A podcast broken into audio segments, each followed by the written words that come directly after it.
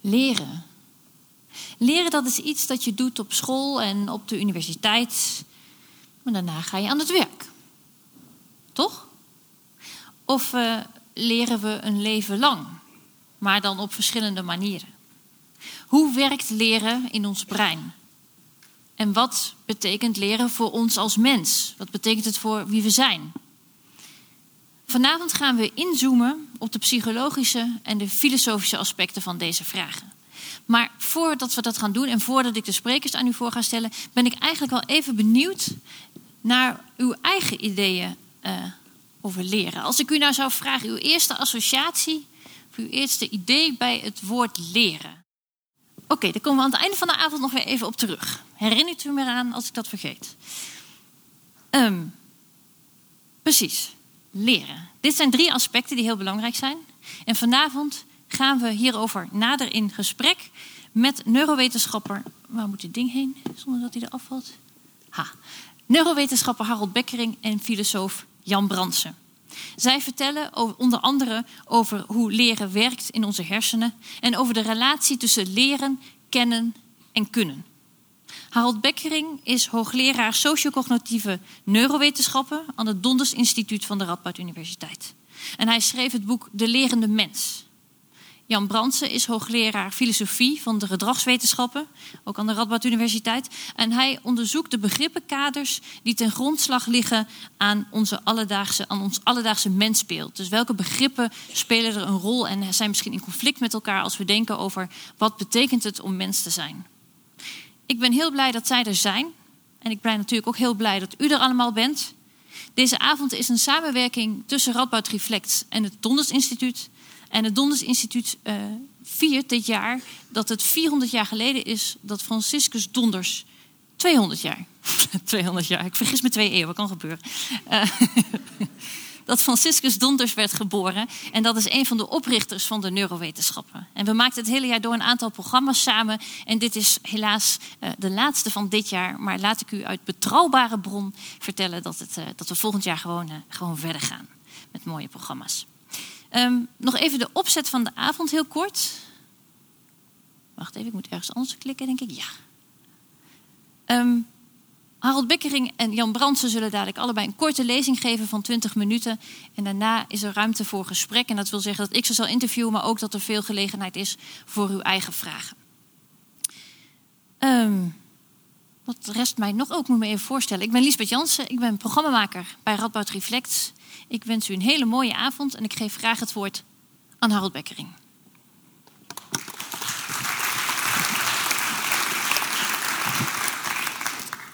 Dankjewel Lisbeth. Um, ik zal alvast de boodschap van mijn verhaal vertellen. Dat de hersenen een voorspellingsmachine zijn.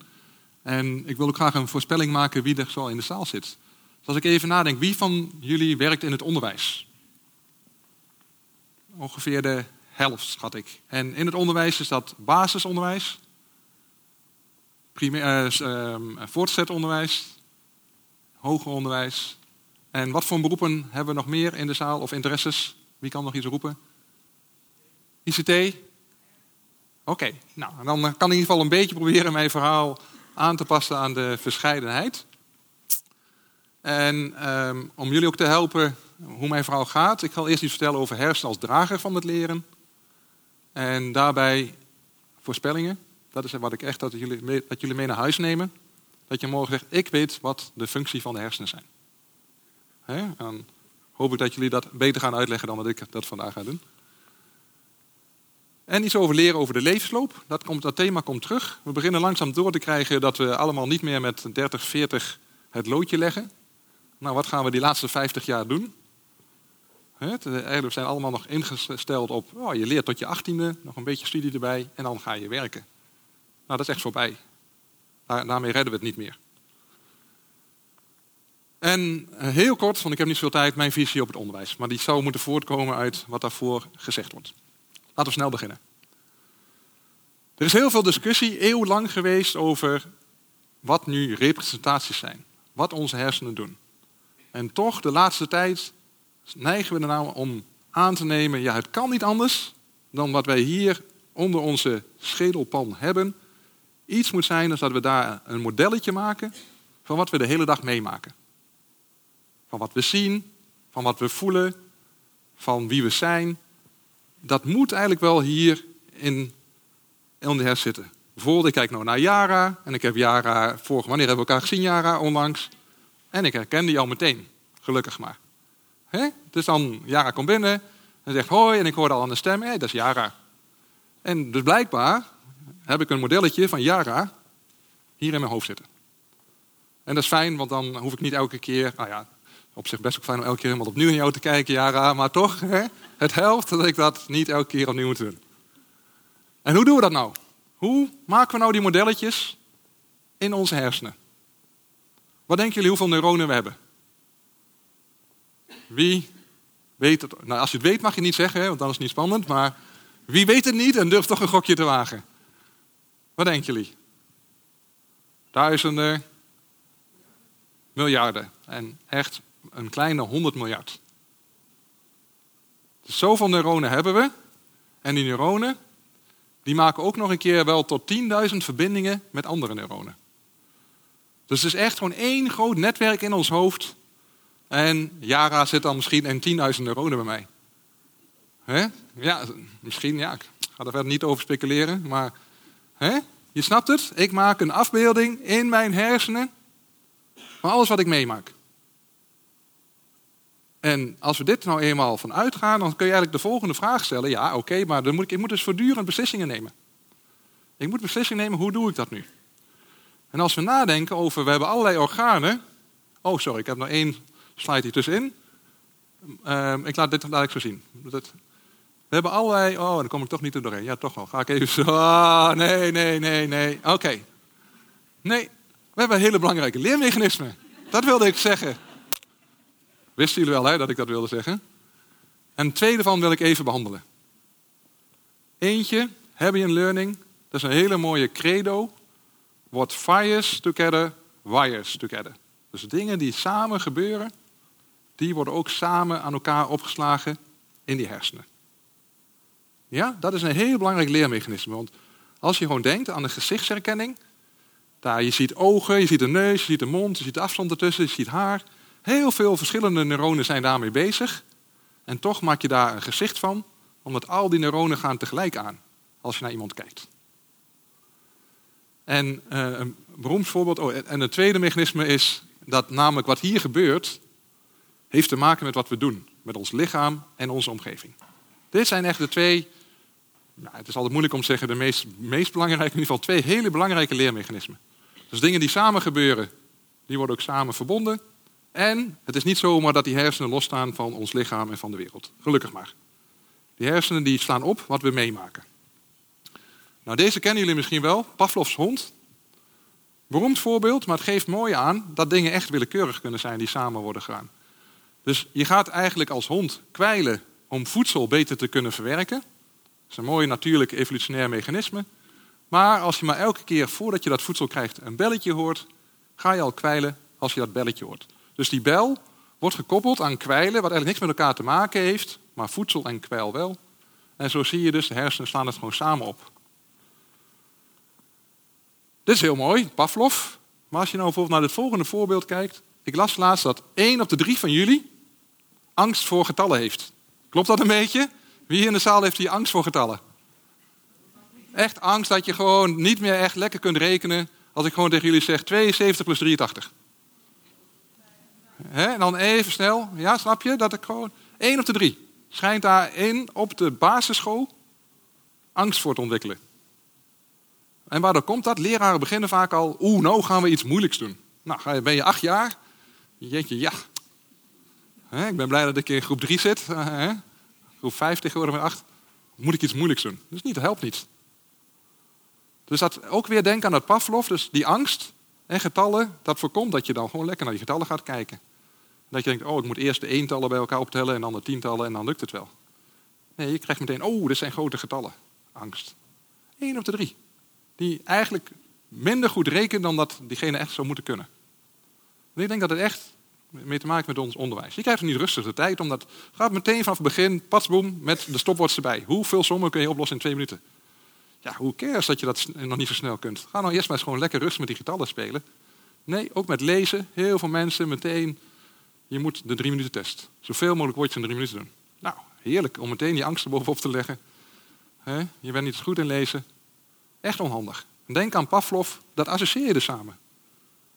Dus als jij gewoon de pech hebt dat je wat langzamer bent met het leren lezen, dan is school vrij dodelijk voor je. Want die angst gaat meteen jou in de weg staan om lekker te leren lezen. Die embodied cognition, denk gewoon aan, je bent aan het koken, lekker aan het koken thuis. Dan zit dat recept natuurlijk niet in je hoofd alleen maar. Er zit bij van hoe eh, de specerijen ruiken, wat, hoe de gerechten eruit zien, wat je doet met je handen.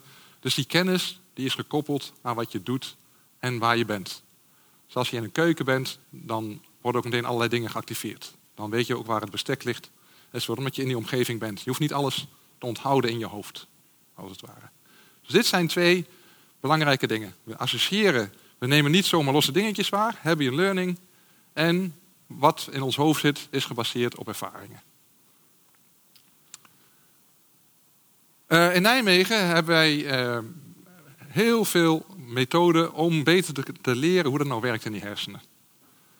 En er zijn heel veel methodes, ik heb niet de tijd om het echt uit te leggen. Maar in de hersenen, die gebieden die actief zijn, die trekken bloed en zuurstof aan. Dat hebben we nodig om te werken.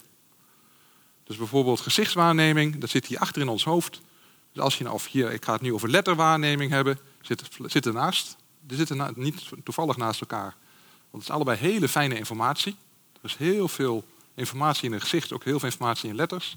Dus die worden achter in ons hoofd naast elkaar worden die verwerkt. En hoe moet je dat nou voorstellen?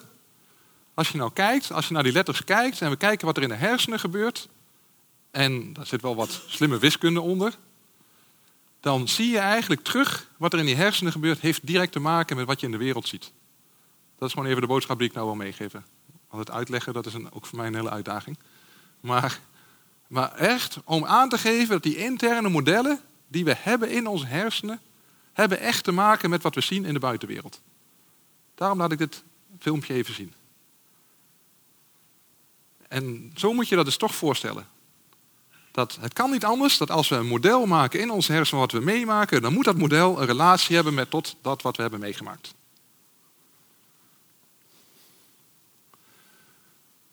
Als we nu even teruggaan naar de functies. Dus hier hebben we de nieren. Nou, hè, zuiveringsapparaat zuivert heel veel verschillende dingen. Er zijn hier mensen in de zaal die daar veel meer van af weten dan ik.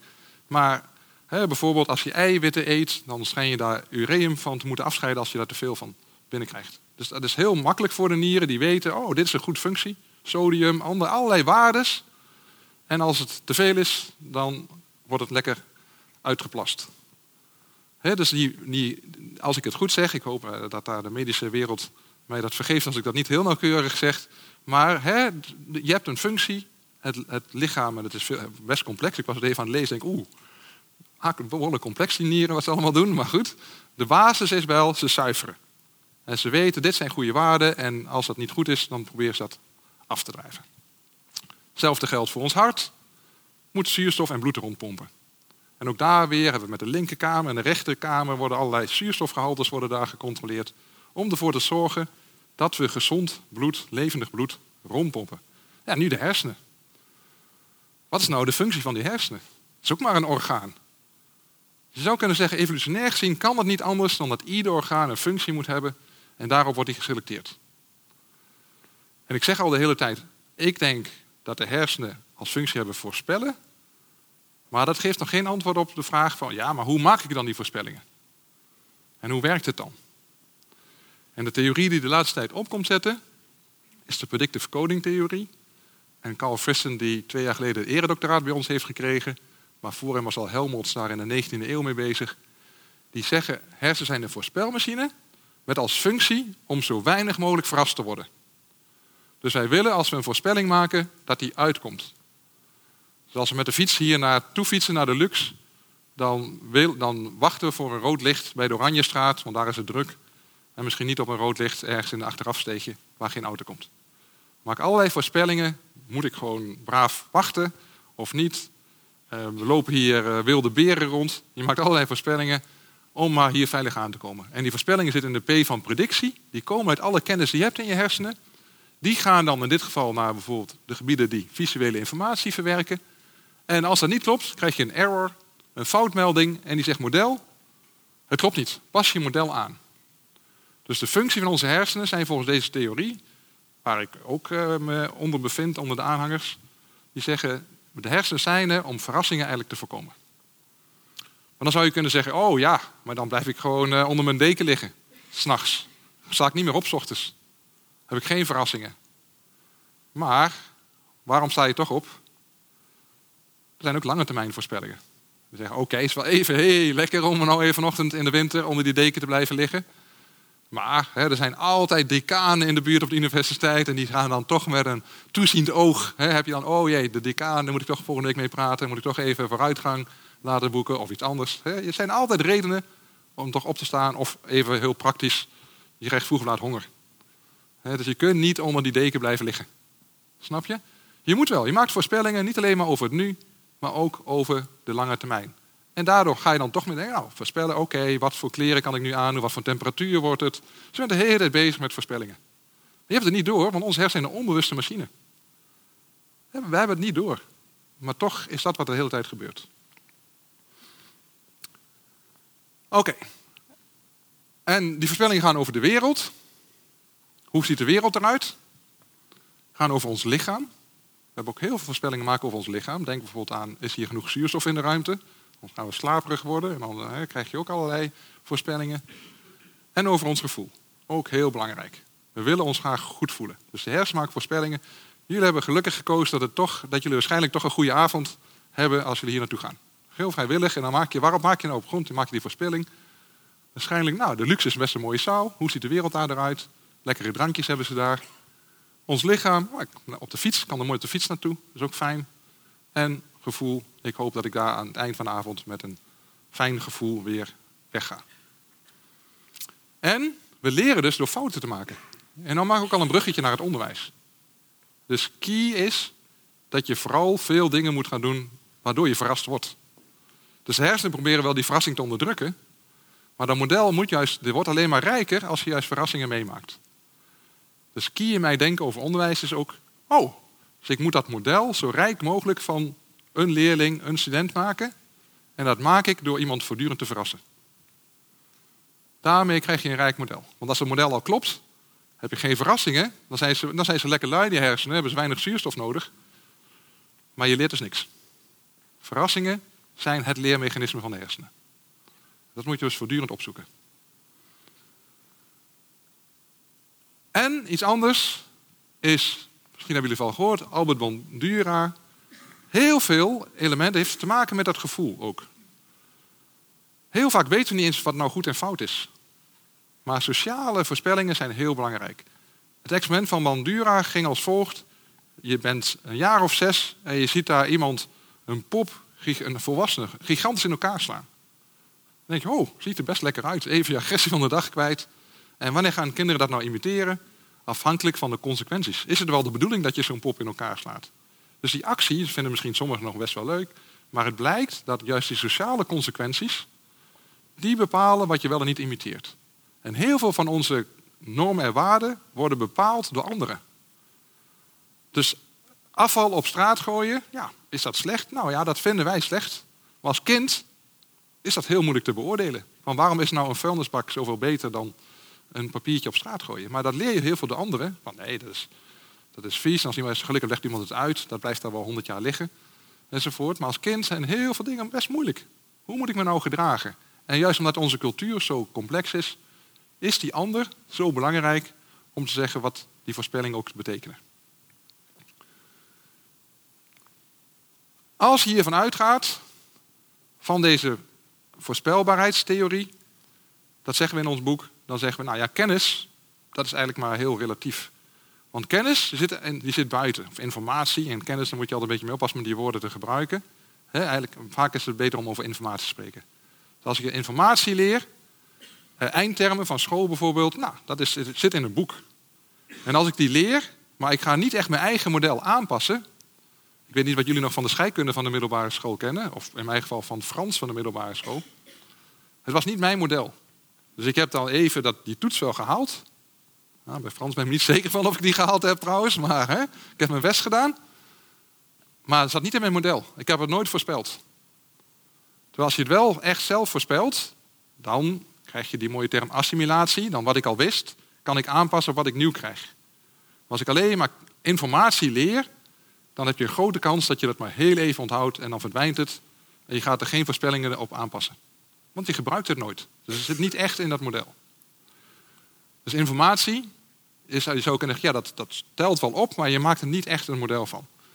Terwijl als je nou vragen stelt vanuit jouw model, dan is het informatief, want dan kun je je model aanpassen. En je kunt wel zeggen, ja, dat is, is ook wel best moeilijk dat onderscheid. Hoor. Je kunt zeggen, nou ja, die kennis is een modelletje op zich. En toch is het vaak niet zo. Als we bijvoorbeeld bij die talen blijven. Onze zoon die had zijn eerste les Duits. En toen kwam hij thuis en zei hij, pap, Duits is echt een rare taal. Ik zei, ja, dat vind ik ook, maar waarom vind jij het een rare taal? Zei hij, als je in Duitsland de leider bent, dan noemen ze dat helaas. Leider. Dat wordt je de leider gelezen. Hij zei, ik vind het ook niet altijd fijn om de leider te zijn, maar om dat nou helaas te noemen. Maar hij leert zo'n taal vanuit zijn eerste taal. Snap je? Zo, dat is wel, hij was daarmee bezig. Zo, zo maak je dus voorspellingen. Als jij een nieuwe taal krijgt, dan denk je, oh, het zal wel hetzelfde betekenen. Ervaringen nemen toe. Dat is mooi als we ouder worden. Ervaringen nemen toe. Maar weet je wat minder mooi is? Is dat hoe exploratief we zijn, hoeveel we op zoek gaan naar nieuwe dingen, dat neemt echt dramatisch af. Ik durf zelf nooit naar dit plaatje te kijken waar ik zit. He? Moet het niet te serieus nemen, die wetenschap. Maar dit, hier gaat het over hoeveel dopamine je aanmaakt. Er zijn ook heel veel gedragsstudies die eigenlijk zeggen, nou, we gaan al heel snel voor de veilige route. En dat is ook, je wilt die verrassingen. Het is vaak helemaal niet fijn om verrassingen tegen te komen. Ik kan hier wel zeggen, oh, ga op zoek naar verrassingen. Maar dat wordt vaak afgestraft. Dus als je maar gewoon dan die dingen doet, dus als je maar die taal blijft schrijven die je beheerst, in die taal blijft schrijven, dan zit je goed. Maar een nieuwe taal leren is, is lastig. Nou, ik heb vaak in het onderwijs, ik weet niet of jullie weten van wie deze quote is. En vaak voelt het wel een beetje zo. Je bent gewoon jong en je denkt, wat, gaat, wat zijn we eigenlijk aan het doen in het leven? En dit is een quote van Avicii. Zo week me op when it's all over, when I'm wise and I'm older. Daar had ik op de middelbare school ook dat gevoel. Ik had echt geen flauw idee wat ik daar aan het doen was. En dat is natuurlijk wel heel erg jammer. Ik denk dat we veel meer jongeren al serieus moeten nemen en zeggen: hey, waar ben jij mee bezig? Wat is jouw model van de wereld op grond waarvan jij voorspellingen maakt? En daaraan, vastgebonden, uh, daaraan gebonden is Carol Dweck. Daar kan ik ook uh, veel vertellen, maar ik kreeg een centje dat mijn tijd op is. Het groeimodel, dat is wel, hè, dus dat fouten maken staat juist heel centraal in mijn denken. En dat je zegt, oh, jij kent al 80 of 20 van de, uh, de dierennamen in het Engels. Van de 100. Dat is mooi, maar je kunt er nog 80 leren. In plaats van dat je zegt, je hebt een, T, een 2 voor de toets. Je, je, je kende maar 20 van de 100 dierennamen in het Engels. Wat schiet je daarmee op? Dus aangeven dat je mag groeien, maar feedback erbij is juist heel goed. Dus hoe laat je mensen groeien? Ik denk, de basis van goed onderwijs zou moeten zijn betekenisvol. En wat is betekenisvol? Dat is jouw model van de wereld. En we hebben allemaal een ander model ook. Het kan niet anders, we hebben allemaal andere ervaringen, andere representatie in ons hoofd zitten. En dat is ook maar heel fijn. We hebben het wel vaak moeilijk om dat te accepteren en zeggen, nee, dit, is het, dit zijn de eindtermen. Deze eindtermen, dat is de maat. We zijn niet zozeer geïnteresseerd hoeveel jij geleerd hebt in die cursus. Nee, dit zijn de eindtermen en dan krijg je gewoon een toets over en een, en een cijfer. En ik zou zeggen, hoe meer we zelf kunnen bepalen wanneer, wat, hoe en met wie we leren, hoe beter. Echter, er is één disclaimer. Als we te veel keuzes krijgen, als je naar de universiteit gaat en zegt, nou, studeer alles maar, neem maar elk vak wat je wil, kan het ook wel heel lastig worden. Want je moet wel die voorspellingen maken. Dus er zijn wel restricties aan wat we misschien kunnen voorspellen. De laatste citaat van Frans Wijgaarden die ik aan jullie wil meegeven voordat ik het woord aan Jan geef, is: Ik geloof er niet in dat je verantwoordelijk bent voor je eigen leven. Je kunt hier wel voor kiezen. En dit is eigenaarschap. En ik denk dat we dit in het onderwijs ook echt veel meer zouden moeten doen. Dank jullie heel erg voor jullie aandacht.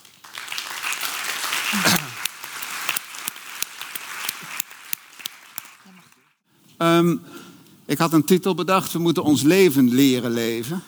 Um, en, ik, en, en als het over de voorspellingen gaat, dan gaan Harold en ik uit elkaar. Dan gaan we denk ik andere dingen vinden. En dat vind ik eigenlijk wel leuk voor vanavond. Want als het over onderwijs gaat en over het belang van leren enzovoort, zijn we het heel erg eens.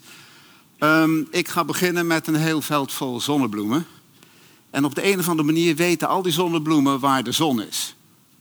Want ze kijken allemaal op de goede manier naar de goede kant. Nou is het natuurlijk niet zo dat ze dat geleerd hebben. Uh, hoewel je, als je een beetje ruim uh, Harold volgt, zou je kunnen voorstellen dat zij ook een of ander voorspelmechanisme hebben. Dat ziet niet uit in de vorm van de neuronen, maar ze voorspellen waar de zon is. Ze draaien keurig mee, heel de dag door. En dan s ochtends vroeg staan ze weer klaar waar de zon opkomt.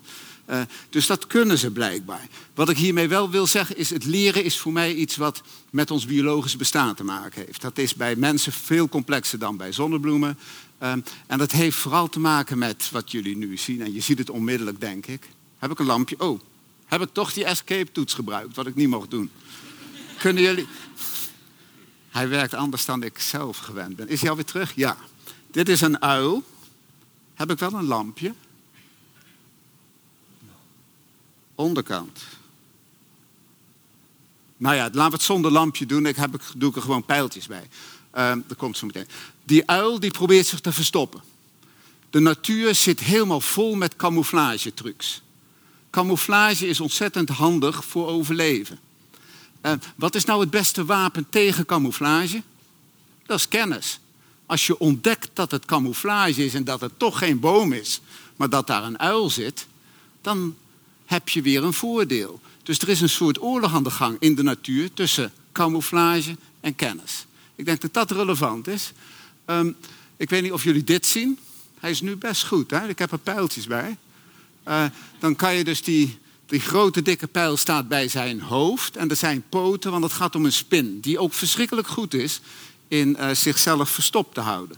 Um, en onze kennis is weer verschrikkelijk slim om te ontdekken wat hier gaande is. Nou is die sociale wereld waar Bandura het ook over heeft een hele complexe. Uh, dit is een oud schilderij met allemaal, daar gebeurt van alles. En je kunt natuurlijk proberen na te denken, wat gebeurt hier? En je kunt voorspellingen, je mag het wat mij betreft voorspellingen doen, maar zometeen gaan we dat toch wat anders noemen. Uh, maar je wilt proberen te snappen wat daar gebeurt en wat daar allemaal te zien is.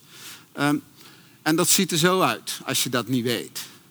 Um, en nu is er dat plaatje is nog van de 15e, 16e eeuw, ik weet niet precies, 17e eeuw denk ik eigenlijk, van, het is van uh, Breugel. Uh, maar daarna is zoiets als moderne wetenschap op gang gekomen. En wat er in de moderne wetenschap eigenlijk is gebeurd, is een heel gek soort uh, arbeidsdeling. Namelijk een arbeidsdeling die te maken heeft met kennis en kennisverzameling. Als je gewoon een, een, een spinneneter bent, is het natuurlijk wel handig om een tijdje goed te kijken, zit daar op dat op dat uh, schelpenzand zit daar een spin. En als je hem ontdekt, kan je hem eten. Uh, als je dat gaat uitbesteden, dus jij gaat gewoon wachten, en er, zit, er is daar een of andere, en er komt iemand anders die voor jou gaat uitzoeken of daar spinnen zitten die te eten zijn of niet, en die geeft jou de boodschap, uh, dan duurt dat natuurlijk voor een spinnenleven te lang. Maar mensen hebben op een of andere manier bedacht, net zoals de schoenmaker de hele dag schoenen maakt, zo hebben we een soort van mensen bedacht uh, die gaan de hele dag kennis proberen te verzamelen. Dus die mensen die uh, onderzoeken complexe dingen. Daar hebben ze allemaal ingewikkelde technieken voor. Die zijn in universiteiten gaan wonen, die mensen. Uh, en die zijn daar verschrikkelijk slim geworden. In het ontdekken. in het vertalen van vragen naar manieren om antwoorden te geven. Dat lukt ook. Dat ziet er dan zo uit. Dan gaat dat vraagteken weg en dan heb je een uitroepteken. En dan heb je als het ware antwoorden. Uh, nu kun je gaan voorstellen dat als, als je op zo'n manier nadenkt over kennis. Uh, en het als het ware uit die embodied want dit verhaal is eigenlijk een embodied cognition verhaal. Je hebt die kennis nodig in een veld waarin je uh, succesvol kunt handelen. En nu hebben we op de een of andere manier bedacht dat mensen die kennis apart gaan produceren ergens en hem dan weer terug gaan geven aan de mensen die hun leven leven. Uh, en dan komen we, ik, had, ik, deze had, ik was even vergeten, ik heb vijf ideeën bij me vandaag. En die kan ik heel kort samenvatten. Wat er gebeurd is in het menselijk bestaan, denk ik, is dat we kennen hebben losgetrokken van kunnen. Ik vind kennis helemaal niet zo interessant. Ik vind kennen wel interessant als werkwoord. Maar het is voor mij intrinsiek verbonden met kunnen. Je kent alleen maar iets als je iets kunt. Maar wij zijn dat gaan lostrekken. En wij zijn ook gaan denken dat kennis een verzameling is van allemaal goede antwoorden. Dat doen we op de lagere school, maken we die kinderen dat heel goed wijs. Die beginnen met allerlei vragen te stellen. Kijk maar eens naar een kind van twee. Die stelt, die stelt de hele dag door vragen. Die gaat namelijk eindelijk snappen dat dingen met elkaar te maken hebben. Die gaat eigenlijk, in Harrels woorden, uh, die gaat snappen dat er iets te voorspellen valt. En die wil dus heel tijd weten, waarom gebeurt dit, waarom gebeurt dat? Zodat die connecties kan leggen en de juiste voorspellingen kan doen. Um, als je eenmaal op school zit, ga je snappen dat vragen stellen helemaal niet de bedoeling heeft om, om te onderzoeken, maar dat een vraag stellen betekent dat je het antwoord nog niet hebt en dat je het antwoord kunt krijgen. Als je dan eenmaal acht of negen bent, heb je inmiddels in de gaten dat als je een vraag stelt, dat je eigenlijk laat merken dat je het antwoord niet hebt. En dat is uh, risicovol in een, in een sociale context waarin je eigenlijk beloond wordt voor antwoorden. En daarin sporen Harold en ik precies. Maar je gaat dus denken dat kennis heb ik als ik antwoorden heb. Als ik vragen stel, laat ik merken dat ik geen antwoorden heb. Dus dan heb ik geen kennis. Dus vragen stellen is iets doms. Dat is, ik ben een filosoof, dus ik vind dat, dat concluderen op je achtste vind ik behoorlijk dom. En ook heel erg jammer vooral. Uh, omdat net als Harold, uh, iedereen, weet die op de universiteit met onderzoek bezig is, eigenlijk vooral bezig is met die vragen. Snap je? Die antwoorden zijn helemaal niet zo leuk. Dat hangt er een beetje vanaf wat voor soort wetenschapper je bent, maar voor een filosoof zijn eigenlijk die, die antwoorden echt niet interessant. Ik ga door naar een tweede idee. Um, want, want dit scheiden van kennis en, van kennen en kunnen en het denken dat kennen betekent veel antwoorden hebben, dat zien we op school. Snap je? Die meneer is allemaal antwoorden aan het geven aan die kinderen. En je doet dat niet alleen maar door zo, maar je doet het ook door boeken te lezen. En boeken zijn behoorlijk saai. Dan gaat er zo uitzien. Het wordt nog saaier, dan gaat het er zo uitzien. Um, en, en het grappige natuurlijk aan, aan uh, dat lezen van die boeken en hoe dat onderwijs georganiseerd is, is dat je dat steeds moet laten zien dat je weer nieuwe antwoorden geleerd hebt. Dat doe je op tentamens, dat ziet er dan ongeveer zo uit. En als je alle antwoorden verzameld hebt, als je een hele grote berg antwoorden hebt, dan ziet dat er zo uit. Jij kon geen beter plaatje vinden, want eigenlijk is dit een vuilnisbelt. Maar dat vond ik dan ook wel weer grappig. Als je alle antwoorden verzameld hebt, dan heb je een vuilnisbelt bij elkaar en dan krijg je diploma, dan ben je klaar. Um, dan mag het, het, leren mag ook ophouden, omdat je alle antwoorden hebt. Uh, dus dan krijgen we het tweede idee. Leren is het verzamelen van antwoorden. Dat is echt iets anders dan wat de neurowetenschap ons vertelt, maar dat is wat we zijn gaan denken als we op school zitten. Uh, want leren is voor Harold het, het, het, maken van fouten en daardoor het aanpassen van je voorspelmechanisme. Uh, maar wij denken dat leren het verzamelen van antwoorden is. En als je verzameling compleet is, krijg je een diploma en ben je klaar. Um, maar nu was het wel zo, daar was ik in het begin mee begonnen, dat we kennis en kunnen van elkaar losgetrokken hebben. Je hebt eigenlijk niks aan een stapel antwoorden als je daar niet iets mee kunt. Dus na het diploma krijg je een soort nieuw probleem. Een hele grote maar. En de maar is namelijk, hoe maak je van kennen weer kunnen? Want je hebt nou wel heel veel kennen verzameld op school. Je hebt heel allemaal antwoorden. En nu moet je met die antwoorden iets slims zien te doen. Maar dan moet je zien te snappen waar je die antwoorden kunt gebruiken. Hoe je daar weer kunnen van kunt maken. Dat is een soort probleem waarvan ik denk dat het onderwijs zich echt je, met een, hoe heet dat, een Jantje van Leiden. Waar, ze zich echt gewoon van afgemaakt hebben. Te denken van, dat is voor ergens anders. Daar hebben wij niks mee te maken. En dat doet iedere, onder, iedere onderwijs. Het lagere, het primair onderwijs, je krijgt een diploma. Diploma betekent niet dat je iets kunt, maar je kunt door verder leren. Verder leren, verder leren, verder leren. Als je heel slim bent, mag je aan het eind promoveren. Dan word je postdoc en daarna word je werkloos. Uh, het, is, het is een beetje cynisch gezegd, maar en dan kun je ook nog niks. Want je hebt wel heel veel antwoorden, maar je hebt eigenlijk niks geleerd in die zin van. Uh, uh, die, die zin waarin kennen en kunnen aan elkaar vastzit. Behalve dan dat je eigenlijk wel één ding heel erg goed geleerd hebt.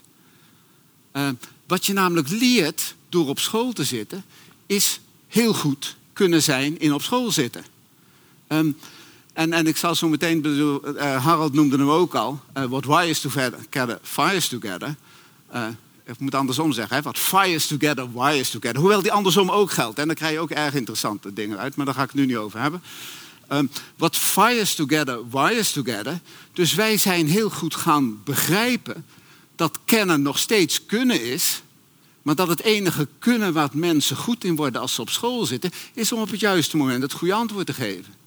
Dus wat, waar, wij verschrikkelijk goed in zijn, wat kunnen en wat embodied cognition betreft, is op het juiste moment onze vinger opsteken, omdat we wel weten wat het goede antwoord is.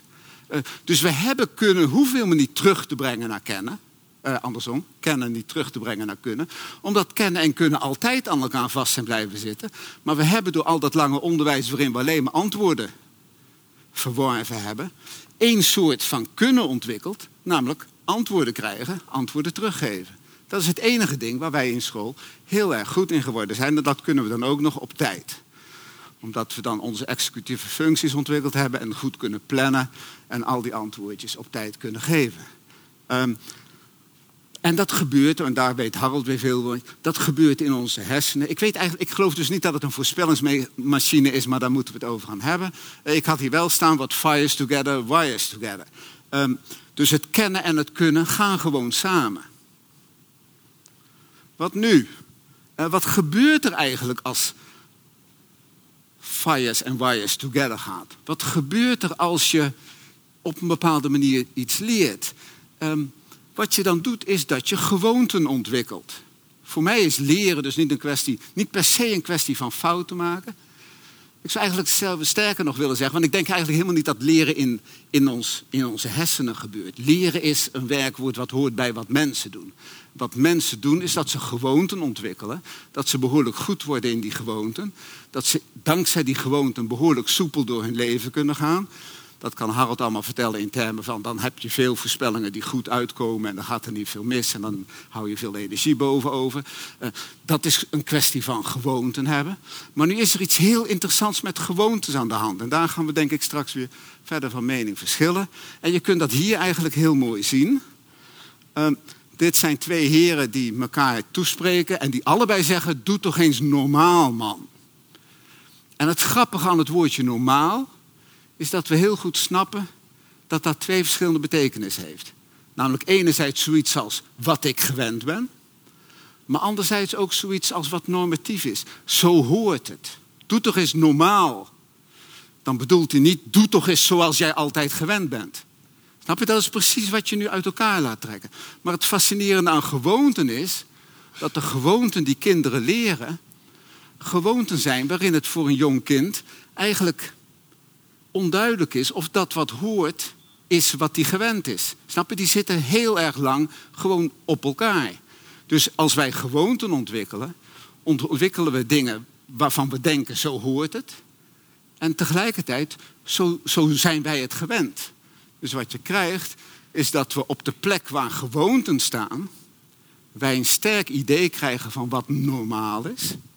In de dubbele betekenis van wat bij ons een voorschrift is. Wacht. Op tijd iets drinken. Dat is dan weer een voorspelling. Uh, en wat ons gebruik is. Uh, dus ik kom op mijn vierde idee. Als je leert, ontwikkel je gewoonten.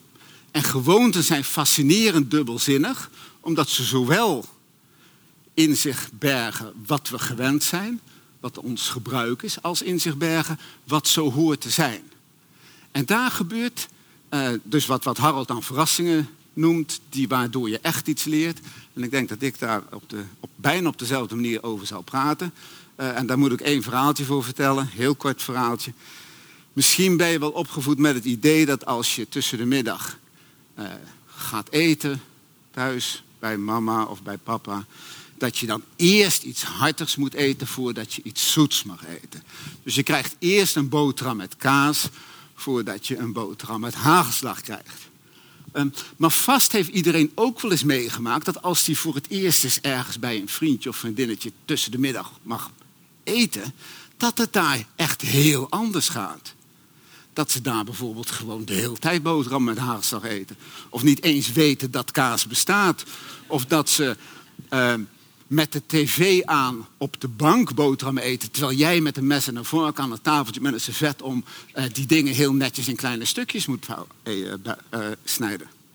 Um, dus wat, wat je gaat merken als je als kind dan ergens gaat logeren. Wat je merkt is dat gebruik en hoe het hoort van elkaar kunnen verschillen. Dus je gaat wel iets leren doordat een voorspelling niet uitkomt. In mijn terminologie heet dat je gaat iets leren omdat je merkt dat gewoonten die een normatieve kracht hebben, wel gewoonten zijn met een soort van dwingende kracht uit gewoonte, wat jouw gebruik is, maar niet de rechtvaardigende kracht hebben zoals het hoort.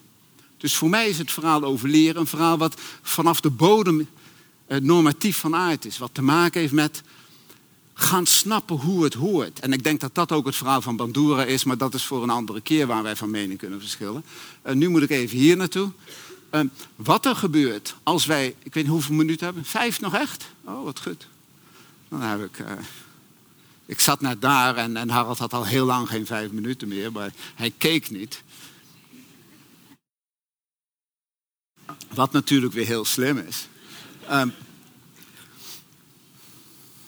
en wat ik nu aan het doen ben, is een beetje een toneelstukje spelen. Hè? Dat snap je. En dat is wat in, in mijn verhaal over leren een grote rol speelt. Als mensen groot worden, um, gaan ze leren hoe het leven als mens werkt. Een leven voor een spinneneter is een vrij simpel leven. Je moet zorgen dat je genoeg spinnen vindt de hele tijd en die dan opeten. Uh, maar mensen, mensenleven is veel complexer. Dat heeft met Bandura te maken. Dat heeft te maken met dat die sociale werkelijkheid veel complexer is. Maar dat is ook een werkelijkheid die gereguleerd wordt niet door voorspellingen, maar door verwachtingen. En verwachtingen zijn echt iets anders dan voorspellingen. Dus je kunt het weer voorspellen. En je kunt ook het verwachten dat het dit of dat weer is. Dan gaan voorspellingen en verwachtingen best gelijk op. Maar als je nou gaat voorspellen dat Sinterklaas allerlei cadeautjes voor jou heeft. Dan, en, en, en het komt uit, dan is de lol ervan af. Je wil, dat niet, je wil eigenlijk niet goed worden in dat voorspellen. Omdat je wil snappen dat die verwachting, dat hij dat uit zichzelf doet en dat jij dat verdient, niet omdat je dat voorspelt. Denk aan, denk aan hoe je je partner kunt manipuleren. Dat wil je ook niet voorspellen. Je wil niet voorspellen dat hij precies doet wat jij wil. Uh, je wil dat hij dat uit zichzelf doet. Echt. Uh, en dat is natuurlijk wel een normatieve verwachting die jij hebt. Vandaar dat ik over normatieve verwachtingen spreek. Uh, maar het is, hij zit in die hoek van het normatieve. En het heeft te maken met dat je een rol leert spelen en dat je die rol behoorlijk goed leert spelen. Dat is wat we doen als we langzaam groot worden. Je moet de rol leren spelen van een 21ste eeuwse kennisverwerver. Dat is de rol die onze kinderen heel goed leren. Maar ze denken daar op een manier over die betekent dat het enige waar ze goed in moeten worden is dingen tijd lang genoeg onthouden om ze op tentamen terug te geven. En dan zijn ze klaar. Uh, dat is wel heel erg jammer. Toneelspelen werkt voor mij anders. En, en die verrassingselementen waar Harold het over heeft, die zitten voor mij in het besef van rolafstand. In het idee dat jij ook een idee hebt over hoe ik deze rol op me neem. En dat die misschien niet altijd sporen. Dat ik dacht, oh, maar ik wou graag dat jij het leuk vond vanavond. En ik dacht, jij wil graag naar de film. Wou jij naar die twee mensen die over leren gaan praten? Oh, nou ja, dan doen we dat. Uh, en, en, en dat had je niet in de gaten. En als je, ik, dit gaat even, dit voorbeeld loopt nu niet. Uh, maar je snapt wel dat wat er gebeurt met rolafstand, ik kan het, die wel, ik kan het eigenlijk. Als je denkt dat je een bepaald soort rol hebt, heb je daar verwachtingen over voor jezelf. En een ander heeft andere verwachtingen. Of heeft misschien precies dezelfde verwachtingen. Dan gaat het, dan gaat het heel soepeltjes goed. Maar doorgaans hebben mensen andere verwachtingen. En er zijn heel veel rollen waarvan onduidelijk is uh, wat voor verwachtingen daar precies bij horen. Dus stel dat je een bekende Nederlander bent. Hoort daar dan bij dat je in de libellen moet vertellen wat je allemaal doet als je weekend hebt? Uh, of hoort er alleen maar bij dat je foto's moet laten maken? Of dat je nu de hele tijd handtekening moet zetten dat jouw foto's gebruikt mogen worden vanwege die nieuwe wetgeving? Uh, dus er zijn allerlei rollen die je leert ontwikkelen. Um, En ik ga hier snel doorheen, ik wil eigenlijk gewoon naar het einde toe. Want dit vind ik een mooi plaatje. Ehm, en niet omdat er een zwarte mevrouw onder een wit masker zit, maar omdat er, eh, omdat er een masker zit, omdat er een personage is wat wij realiseren, wat wij neerzetten in onze sociale interacties, waar wij niet vol, volkomen simpel mee samenvallen, maar waar wij ons altijd op een bepaalde manier toe verhouden. En in dat domein waarin we een rol leren spelen, maar ook beseffen dat het een rol is en dat dat nu eenmaal mijn rol is en dat mijn rol nu is dat ik hier zit en jullie rol is om daar te zitten luisteren en zo, en zo meteen een vraag te stellen, dat dat jouw rol is en dat dat vrijheidsgraden met zich meebrengt, maar ook beperkingen, dat dat op een bepaalde manier normaal is dat je zo speelt, dat je je rol zo speelt, maar soms een kwestie is van uh, dat die rol opnieuw verder uitgevonden moet worden, dat jij hem verder moet zien te ontwikkelen. Dat is eigenlijk wat voor mij leren is. Dus het leren is het ontwikkelen van gewoonten, het beter worden in jouw gewoonten, maar ook het merken dat jouw gewoonten soms niet stroken met de gewoonten van anderen. En dat je dan het vermogen hebt om daar verstandig mee om te gaan. En ik denk dat we dat vermogen uh, onder druk zetten als we denken dat leren vooral het verzamelen is van correcte antwoorden. Dus ik kom op het laatste, het wij leven. Oh, oh, doe ik het weer. Ah, en sukkels maken maar één keer, dus ik ben nog erger dan een ezel. Hij is gelukkig alweer terug. Weet je, het komt echt doordat op die plek bij mij een rood lampje zit, dan kon ik dat nog aanwijzen. Wij leven ons leven. Uh, dat leer, dus wacht, hier heb ik het niet eens over gehad en dat ga ik maar niet doen ook. Uh, bij het leven ons leven vind ik een heel mooi zinnetje, kan ik straks meer over zeggen. Rolafstand is cruciaal, je leert van de fricties. Uh, in die fricties ontdekken we dat Wilders niet Rutte is, maar dat ze samen het wel in die kamer uit moeten zien te houden. Dus dat ze moeten werken aan wat voor hun normaal is. Dat is eigenlijk het verhaal. Dankjewel. Oh, wacht, ik heb er nog één. Alleen mezelf nog.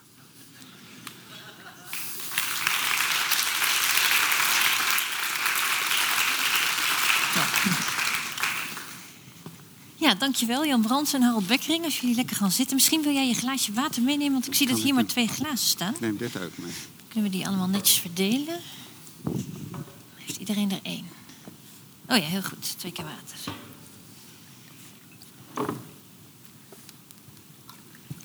Leuk dat twee mensen die allebei uh, met leren bezig zijn en eigenlijk ook op dezelfde faculteit werken, toch heel, twee hele verschillende visies uh, hebben. Oh, ze zijn dus zo heel verschillend. Nee. Maar er zit. Oké. Okay. Nee, sorry. Dus ik dacht, ik ga maar even aan, aan beginnen bij een, bij een verschil dat jij. Wat je zelf al aanstipte, Jan.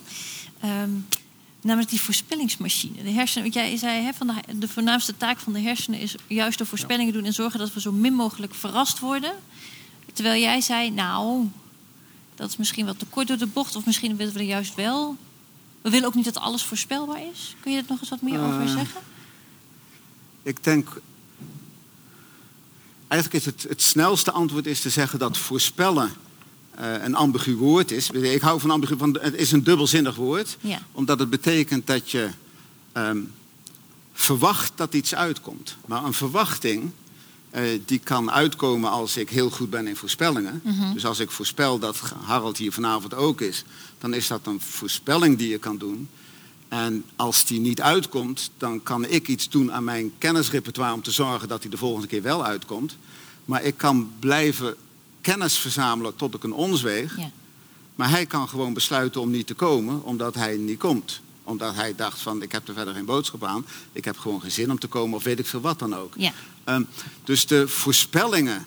Dus te denken dat, dat sociale interactie een kwestie is van voorspellingen maken die uitkomen, is volgens mij het, het over het hoofd zien van iets belangrijks bij mensen. Namelijk, namelijk dat, uh, dat er, om voorspellingen uit te laten komen, er twee mensen hun best moeten doen. Dus dat de goede Ja. wil van mensen Ja. daar een serieuze rol speelt. En dat het niet alleen maar is van, uh, ik kan voorspellen wat, uh, wat Harold gaat doen. Wil je daarop reageren? Ja, ik, denk, ik vind het toch wel eh, lastig om verwachtingen en voorspellingen uit elkaar te houden. Want je zou kunnen zeggen, je hebt dus ervaringen. Op grond Mhm. daarvan maak je, heb je ook verwachtingen. Ja. En die gebruik je voor je voorspellingen. Dus Ja. voor mij is zeg maar dat model wat je hebt en op grond daarvan voorspel je, daar kun je heel slecht in zijn. Maar ja, even heel voor, mij is het, zeg maar, voor mij is het echt maar toch iets concreter. Ja. Hersenen maken echt gewoon concrete voorspellingen. Net als je hebt dat drinken. Je had een droge Nee, keel. ja. En dat is dan, eh, dat had je helemaal niet verwacht dat je al zo snel misschien een droge keel zou krijgen. Maar dat, de hersenen hebben daar eigenlijk geen boodschap aan. Die Nee. voorspellen. Nee, dat snap ik. Ja. Dus ik, ik snap ook dat. ehm, dus we zijn het eens over dat de hersenen misschien een voorspellingsmachine Ja. is. Maar we zijn het dan niet eens over dat leren iets is wat in de hersenen gebeurt. Leren is voor mij iets wat mensen doen, Ja. omdat ze iets moeten met die voorspellingen die hun hersenen doen. Zeker. En Nou, daar ben ik het ook wel mee eens. Maar, Ja, dat maar ik had het nu over wat de hersenen doen. Ja, nee, dat, dat, snap ik. En, ja, nee, Ja, wat ook wel interessant is om... ehm, we kunnen niet alleen maar voortdurend die voorspellingen doen die gaan uitkomen. Dus wat, wat we ook eh, denken, en dat komt een beetje uit de evolutietheorieën. Stel dat je ehm, eh, al genoeg gegeten hebt op een dag, dan ga je ook eerder exploreren. Dan denk je, ik weet wel dat deze pizza de, lekkerste is, maar ik heb niet zoveel honger. Misschien moet ik toch een keer wat anders gaan proberen. Dus het heeft ook veel te maken met toch wel echt evolutie. Die voorspellingen zijn er echt voor dat je gewoon ook overleeft. En dat je Nee, de beste ja. keuzes maakt. Ja. Maar soms hoeft dat niet. Dus als je al een goede lunch hebt gehad, dan ga je s'avonds bij het diner eerder exploreren. En dan om je model zo rijk mogelijk te maken. ja. Hoewel je- Maar waar is dan de sociale component? nou, de sociale component is dat heel veel zaken. de- onze cultuur is zo complex Ja. Dat het als persoon niet te begrijpen is dat normatieve karakter. Wat, wat eigenlijk gewenst is.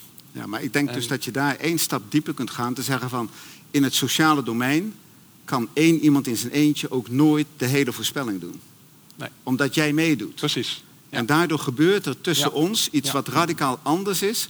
Wat maakt dat leren in het sociale domein intrinsiek iets te maken heeft met dat ik van mijn voorspellingen toch verwachtingen moet maken. Verwachtingen waarvan, waarmee ik een aanspraak doe op jou. En, en verwacht en ook vind dat ik een claim op jou, dat ik een aanspraak op jou kan maken, dat jij mee moet doen. Maar Maar- dat ik niet ja. dat meedoen kan garanderen door zelf meer verstand te krijgen van jou. En als we deze twee verschillende posities nou even heel concreet gaan betrekken op onderwijs of op les. Ja. Hoe zou je dat dan, wat is dan het verschil tussen jullie twee? Wie wil er eerst? Jij mag eerst, Jan. Eh, ja, dus voor mij heeft die te maken met ehm, dat onze sociaal, onze, onze werkelijkheid die de onze is, hè, die, die een werkelijkheid van ons allemaal is, is een werkelijkheid die we, die we altijd met elkaar mede creëren, Ja. zodat ik aan voorspellingen permanent te weinig heb, omdat ik hem ook aan het maken ben. Dus mijn voorspelling Ja, is een voorstel ja, om instemming te krijgen. En naar het onderwijs toe betekent dat dat eh, eh, iemand die je wilt proberen te laten leren, moet je, wat mij betreft, proberen in het begin het zelfvertrouwen bij te brengen dat zijn stem ertoe doet. Als je naar een heel klein kind, je kunt, je Ja. kunt het heel gemakkelijk uitleggen. Als je bij een, een heel klein kind, wat, wat, wat 15 maanden is of zo, die kan nog niet actief praten. Maar die heeft, laten we even aannemen, maar die heeft al allerlei taalvermogens, die, die snapt heel veel al. En die kan een beetje lopen en je zegt van ga eens op de, ga eens op de gang je jas halen, dan gaan we naar buiten. Naar de gang, dat jas halen. En ze komt terug met de jas en je zegt nee, ik bedoel niet je muts, ik bedoel je jas dan zal je zien op dat moment dat dat kind niet denkt van, ho, mijn voorspelling was niet uitgekomen, maar dat kind maakt een aanspraak op mij. Ik moet niet zo raar doen, want ik weet heel goed dat dat wel een jas is. Dus dat kind claimt, ik weet dat dit een jas is. En jij zit er nu naast, Jan. En dat Eh, besef, En, en toch in mijn simpele termen zou ik zeggen, dat, dat kind maakt dan ook een voorspelling van jou. En dit is een grappenmaker, bijvoorbeeld. Dus die maakt gewoon een modelletje en het blijft gewoon... eh, Ja, maar de grappenmaker vind ik te link. Hè? Want er zijn te veel ouders die... Je kan ook gewoon een volstrekt chaotische ouder zijn. Die de ene keer dat, de andere keer dat. En Ja. dan, dus als je een grappenmaker bent, moet je nog een bepaald soort systematiek hanteren. En, dit- en daar moet ik voor zorgen. Dus dat is maar het, kijk, als dat we, is naar, het eh, als interessante we, als we een stap naar Bista zetten, die dan die drie rollen van onderwijs heeft. Dus die Ja. zegt, eh, de eerste rol is kennis verzamelen. De tweede rol is de socialisatie. Mm. En de derde rol is de subjecti, ik ben het- Subjectificatie. subjectiviteit. Met een Engelse term komt in mijn hoofd. Maar dan zou je dus kunnen zeggen, die socialisatie, wat je vooral in onderwijs ook moet leren, is nou, hoe gedraag je je ten opzichte van elkaar. De, jouw Wilders-Rutte voorbeeld heeft daar ook mee te maken. Ja. Je zit daar, Ja. Dat is een belangrijke rol van een gemeenschap hebben. En volgens Bista is dat een van de rollen van onderwijs, dat je ook als, als het ware een kleine maatschappij maakt, waarin je leert eh, om bijvoorbeeld, eh, soms ben je gelijk aan elkaar en soms niet. Soms ben je de aanvoerder. En dus je leert daar ook heel veel dingen over socialisatie. Ja. Maar juist socialisatie is natuurlijk, zeker bij Bista, maar, maar is, is een heel normatief gebeuren. Dus het gaat er juist om dat eh, als de voorspelling niet uitkomt, kan ik twee kanten opgaan. De ene kant is, ik kan concluderen dat ik ernaast zat en dat ik een beter model moet ontwikkelen. En de andere kant is, ik kan verzet, in verzet komen tegen jou, omdat jij je niet houdt aan mijn model. Oké, ik ga dit nog, even, ja, nog, nog ja, ja. proberen even iets meer, eh, wat concreter en wat... eh, misschien het algemeen en het concreter op onderwijs toe te spitsen. Namelijk, als je deze posities toepast op wat je ziet gebeuren in het onderwijs... en wat daar nou ja, goed gaat en wat daar misschien eh, beter kan... Wat zou jou, wat vind jij dan, wat is de taak van onderwijs? Wat zou er moeten veranderen? En dadelijk ga ik dezelfde vraag aan jou stellen. En dan heb je het over primair onderwijs, want, want ik maak daar een verschil tussen. Dus in het primair onderwijs denk ik dat het van cruciaal belang is dat kinderen leren dat zij één van onze taalgemeenschap zijn, voor mij. Dat betekent dat ze, ze moeten thuis zijn in rekenen en in taal. Eigenlijk is dat voor mij het. Want de wereld komt vanzelf binnen op allerlei manieren. Natuurlijk kan je met, met geschiedenis en aardrijkskunde dat op allerlei manieren interessant en, en diepgang geven. En met biologie en zo. Maar ze moeten als het ware een stem krijgen in onze taalgemeenschap. Je kunt dat socialiseren noemen. Eh, je kunt zeggen van, van eh, ze moeten gaan snappen hoe het hoort. Ja. Maar ik wil eigenlijk benadrukken, ze moeten gaan ervaren dat zij iets te zeggen hebben. Mhm. En dat gebeurt En te weinig. dat iets te zeggen hebben betekent dat ze niet alleen maar iets voorspellen, maar dat ze aanspraak kunnen maken op dat de wereld zich moet houden aan hun voorspellingen. Dat is voor mij een heel belangrijk element. Dus je kunt. En wat we nu in het onderwijs doen, is Ja. dat we ze alleen maar eh, disciplineren om de juiste antwoorden op het juiste moment te geven. Dus we disciplineren ze als het ware uit hun vaardigheid die ze in het begin hebben, om eh, in normatieve zin aanspraak te maken op wat anderen moeten doen. Kun je dat, wat bedoel je daarmee?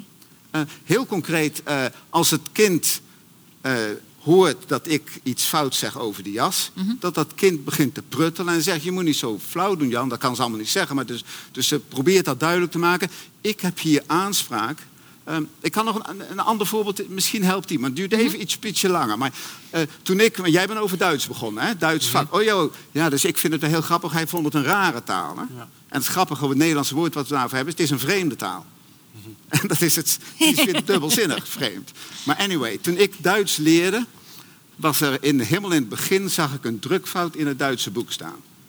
En ik was pas één week Duits aan het leren en ik dacht, ik zal, wel, ik zal wel niet weten hoe dat moet. Snap je? Ik durfde niet te gaan staan voor wat ik zag. Want ik dacht, ik, ik snap het niet goed genoeg. Toen we twee maanden verderop waren, zag ik in het boek verderop weer een drukfout. En dacht, hé, is een drukfout. Wat ik op dat moment heb ontwikkeld, is normatieve status. Ik heb, ik heb de positie ontwikkeld dat ik er iets van mag vinden. Ja, En dat zit ook met het- zelfvertrouwen. Dat je kinderen leert Ja. om niet alleen maar sociaal dat- wenselijk te zijn, ja. maar ook vanuit jezelf een soort zelfvertrouwen van ik denk dat dit goed is of ik denk dat ik dit wil weten Ja. en van daaruit te handelen. Ja. Oké, En dat dat, en dat, dat, een, ehm, dat dat een positie is waar je voor kunt gaan staan en voor leert staan. Ja. En dat is echt van een andere orde dan dat ik kennis ja. kan reproduceren. En wat gaat- hebben we daar, heel kort, want dan wil ik naar, ook naar Harold. Wat hebben we daarvoor nodig om dat te ontwikkelen of dat te veranderen? Eh, dus in het primair onderwijs hebben we denk ik daarvoor nodig dat we heel veel leren automatiseren. Want een kind moet zijn automatische piloot leren ontwikkelen. Mhm.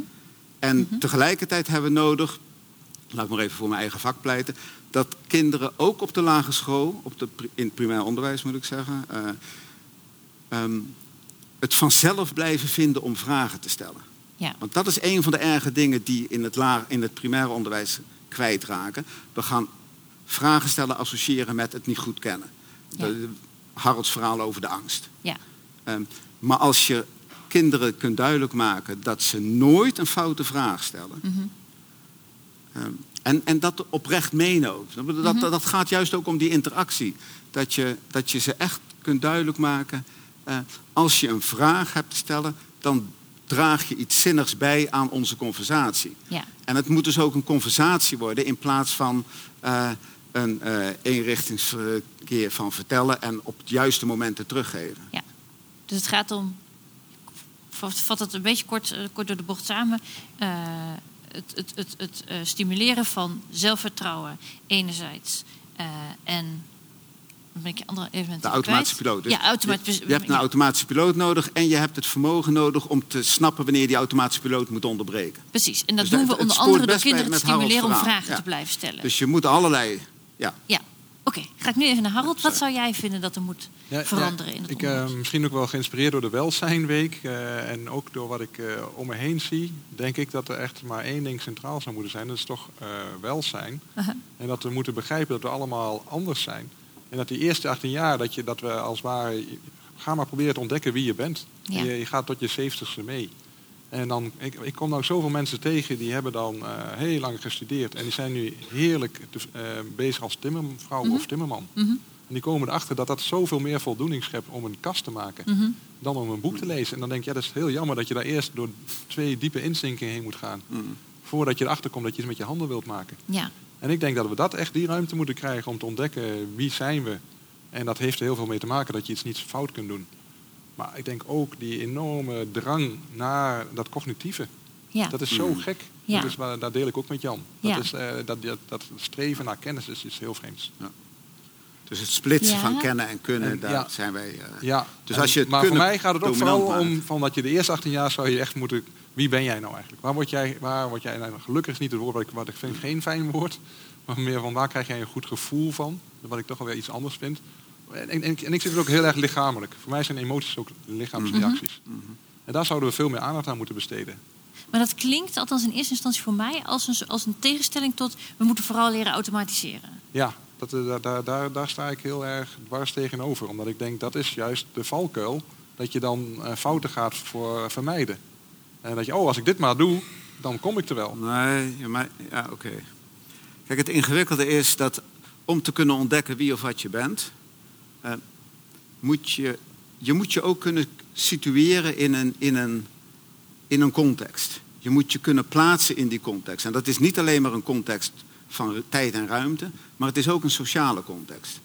En, en kinderen zijn Zeker. al van vroegs af aan in die sociale context met hun ouders, die van allerlei, eh, die de hele tijd met ze bezig zijn om, eh, om normaal te ontwikkelen.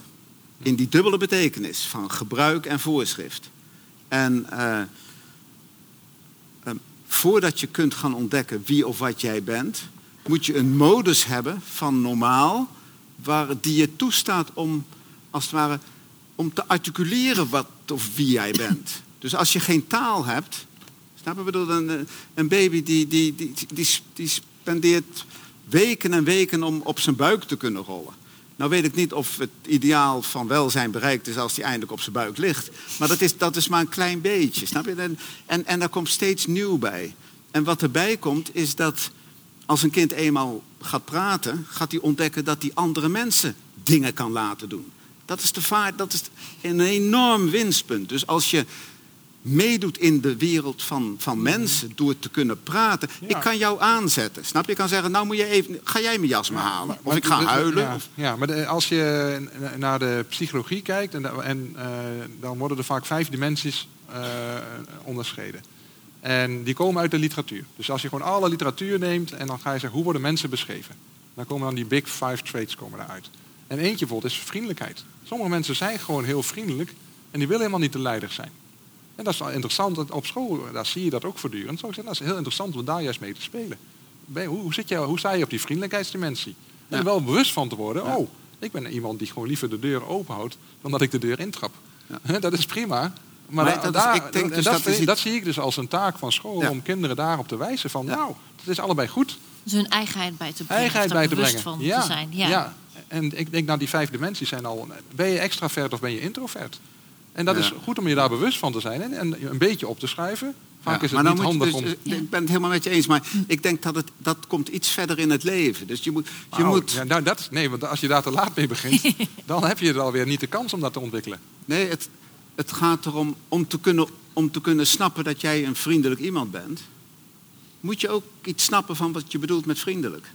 Ja, en, en, nou en dus die, dus die, die taalrijkdom is denk ik die, is, die, die moet je niet, eh, daar moet je niet, ook, ook je emoties, dus ik geloof, ik ben het helemaal met je eens dat emoties heel belangrijk zijn. En dat emoties ons van allerlei dingen vertellen. Maar als het enige woord wat je in de hoek van de boosheid kent, boos is, Ja. of, of je kunt alleen maar dingen stuk gaan maken, eh, dan gaat het veel moeilijker worden om iets van jezelf te snappen. Als je bijvoorbeeld woede, boos, verontwaardigd enzovoorts. Dus die, die, die talige rijkdom is denk ik echt heel belangrijk. En, en dat ik het automatiseren noem, heeft eigenlijk te maken met dat ik denk, we moeten in het, in het primair onderwijs ehm, ook niet. Dus als je in het primair onderwijs.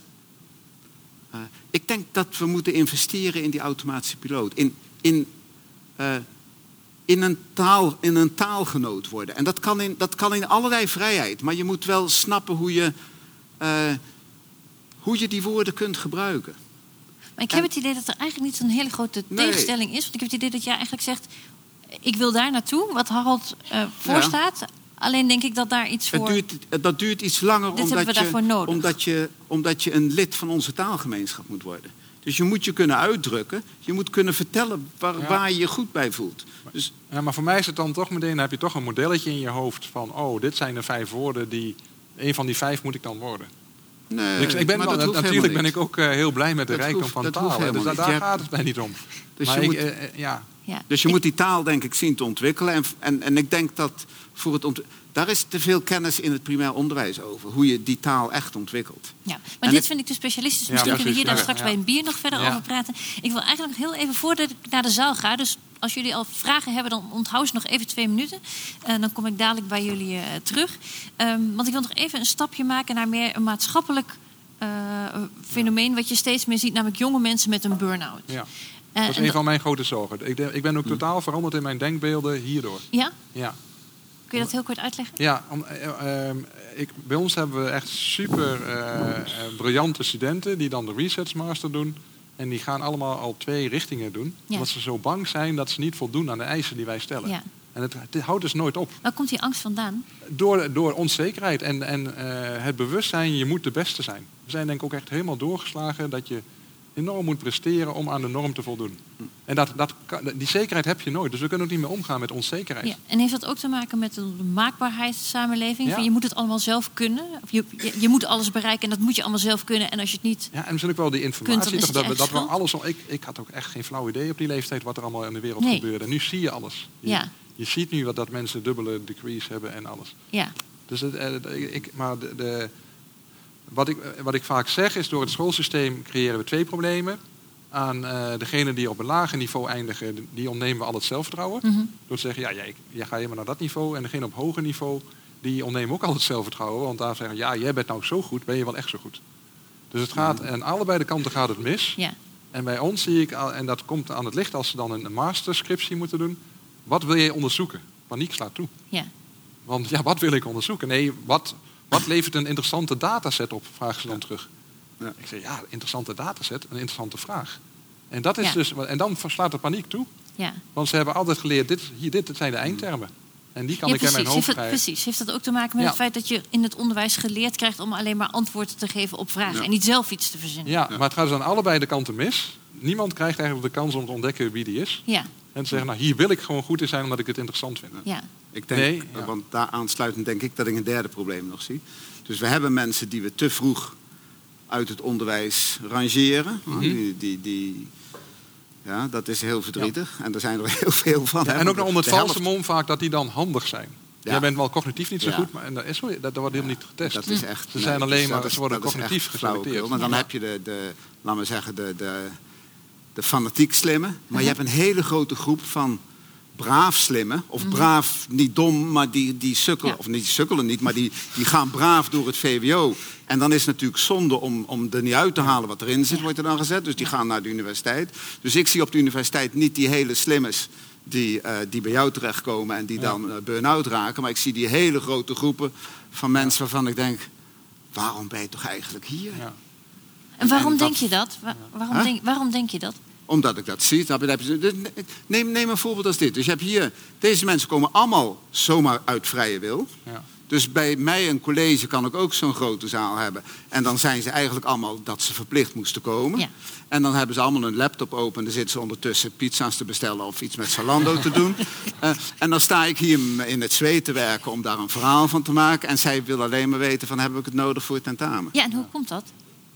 Omdat we, eh, ik denk dat daar eh, de, de, de, de bal weer terug naar Harold kan. Eh, omdat we eh, denken dat je op het juiste moment de juiste antwoorden moet Ja. kunnen geven. En, en dat is het hele systeem wat wij. Dus ze zijn enorm gedisciplineerd al op de middelbare school. Ik denk dat de middelbare school gaat het meeste fout. Dus dat verhaal van Harold zou ik op de middelbare school Uh-huh. planten. Ja. En in het primair onderwijs wil ik ze toch heel graag taalvaardigheden bijbrengen. Ja. Ehm, en en, en, en na, de, na de middelbare school wil ik heel graag een verplichte tussendecennium. Decennium. Heel goed. Ehm, Dit lijkt me omdat heel- je na ja, tien ja. jaar weet je gewoon, dan weet je wat je nog niet weet. De, de, de, Ja. de meeste studenten weten helemaal niet wat ze niet weten. Nee. Maar die denken, ja, ik moet, eh, moet komen, want, want er is nog blijkbaar nog meer te weten. Ik heb de berg nog niet af. Ja. Ja. Maar voor ik hoor nu de discussie bij psychologie dat heel veel middelbare scholieren die denken, oeh, ik wil eigenlijk klinisch psycholoog worden, maar dan moet ik heel streberig zijn, anders krijg ik geen baan. Dat is, Oh, nou, dat is nou de concept die op de middelbare scholen rond. Ja. Het klopt misschien ook nog wel enigszins. Uh-huh. Maar zo, dus als je, je, je begint nu aan klinische psychologie als je streberig bent. Dat is heel gek. Ja. Je zou aan klinische psychologie moeten beginnen als je geïnteresseerd bent in waarom bent. mensen zo van elkaar verschillen. Ja. Maar nu is al op de middelbare school, hoor ik dan, oh jij nee, dat is echt niks voor mij, want dan moet je wel zo fanatiek zijn om daar ooit een baan in te vinden. Ja. Zonde. Dus het, het, het- we- dat Ja. is die informatietoename. Ja. Jongeren die hebben nu al zoveel meer, Ja, maken veel meer voorspellingen. Ik maakte echt geen Ja. voorspellingen toen ik ging Nee. studeren. Nee. Niet daarover. Niet daarover. Nee, nee niet daarover.